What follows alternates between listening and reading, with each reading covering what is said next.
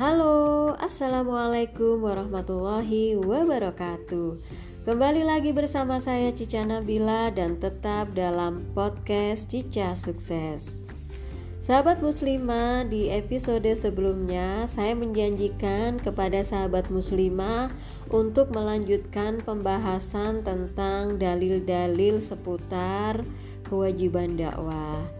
Nah, karena suatu hal saya mohon maaf karena ternyata pembahasan tentang dalil dakwah saya cukupkan sampai di episode yang sebelumnya.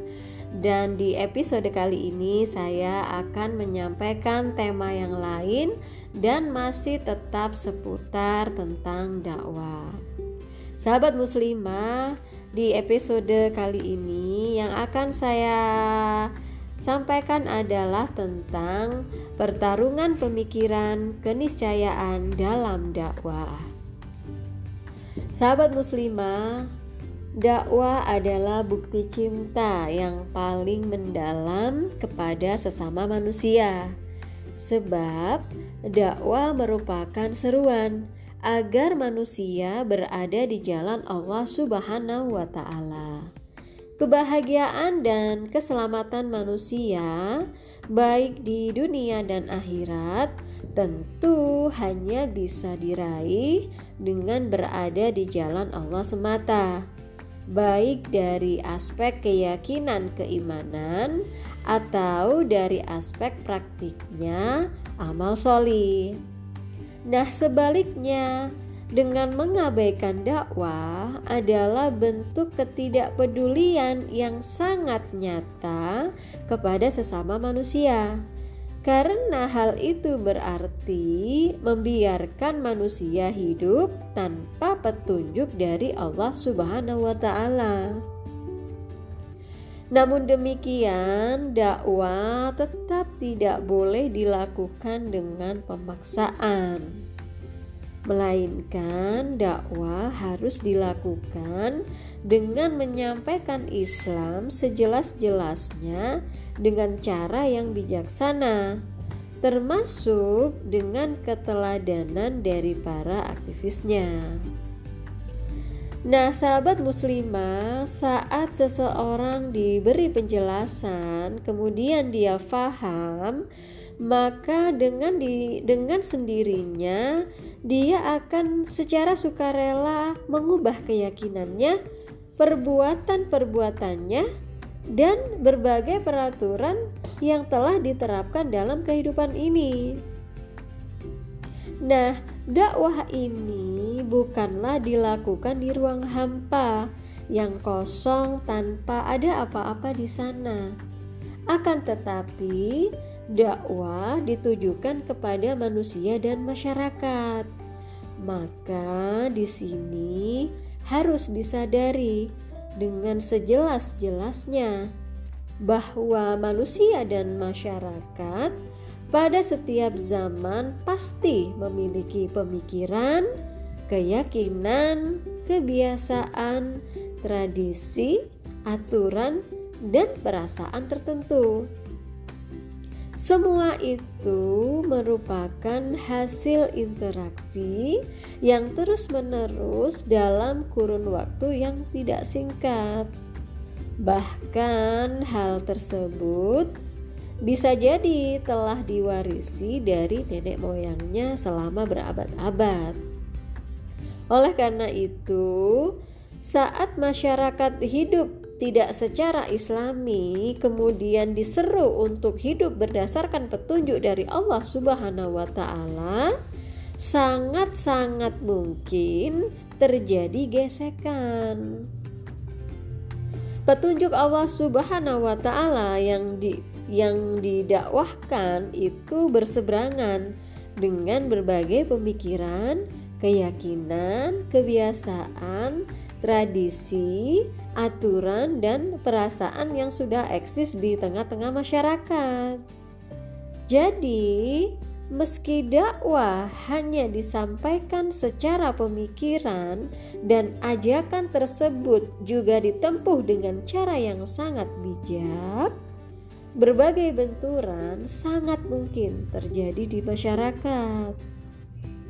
Dengan demikian, sahabat muslimah, adanya gesekan pemikiran atau yang lazim dinamakan dengan pertarungan pemikiran merupakan suatu keniscayaan dalam dakwah pada zaman kapan pun, termasuk pada zaman sekarang ini.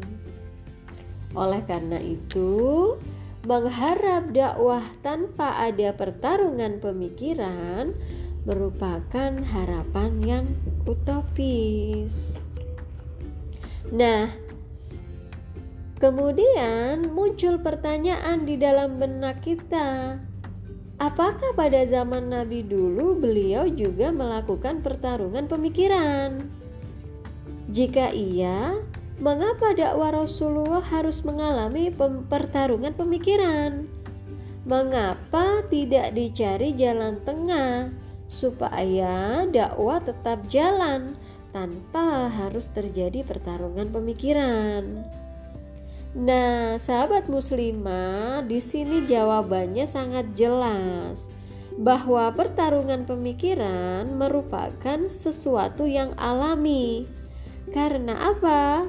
Karena materi dakwah Rasulullah memang bertentangan dengan sistem yang tidak islami yang eksis pada saat itu.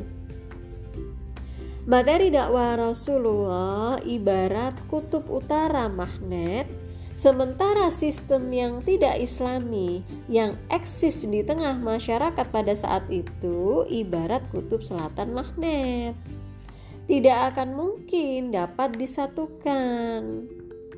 Selain substansi yang bertolak belakang, Rasulullah menyampaikan dakwah Islam secara jujur, apa adanya dan juga tegas. Demikian pula sikap beliau dalam menentang kekufuran, kedoliman, dan kejahiliaan. Rasulullah e, tidak berdakwah dengan cara-cara munafik, berpura-pura, menjilat, tidak pula dengan cara mengutamakan jalan yang lebih selamat. Bahkan Rasulullah tidak segan-segan menyalahkan agama nenek moyang, menganggap keliru adat istiadat yang memang keliru dan mencela Tuhan-Tuhan mereka. Beliau menyampaikan ayat-ayat Allah dengan tegas dan berani Padahal ayat-ayat tersebut mengumandangkan konfrontasi dengan sistem yang ada pada saat itu. Misalnya saja yang berkaitan dengan akidah itu bisa kita lihat di dalam Al-Quran Surat Al-Anbiya ayat 98 yang artinya Sungguh, kalian dan apa yang kalian sembah selain Allah adalah umpan neraka jahanam.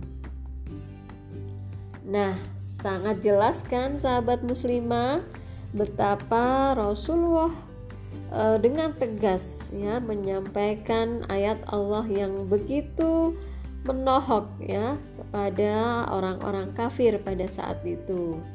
Kemudian di saat yang lain Rasulullah juga menyampaikan firman Allah di dalam Quran surat Ar-Rum ayat 39 yang artinya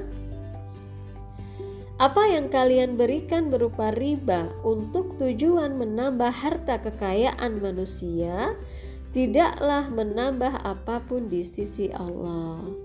Nah, ini adalah ayat yang berkaitan dengan masalah ekonomi. Dan sahabat muslimah masih banyak ya ayat-ayat yang lain yang tidak mungkin saya sampaikan di sini ya. E, banyak sekali ayat-ayat e, yang lain yang mengkritik dan mengoreksi adat-adat kebiasaan, keyakinan, muamalah dan interaksi-interaksi jahiliyah yang sudah mengakar kuat di tengah-tengah masyarakat pada saat itu. Hal itu menyebabkan penjaga sistem yang eksis marah luar biasa.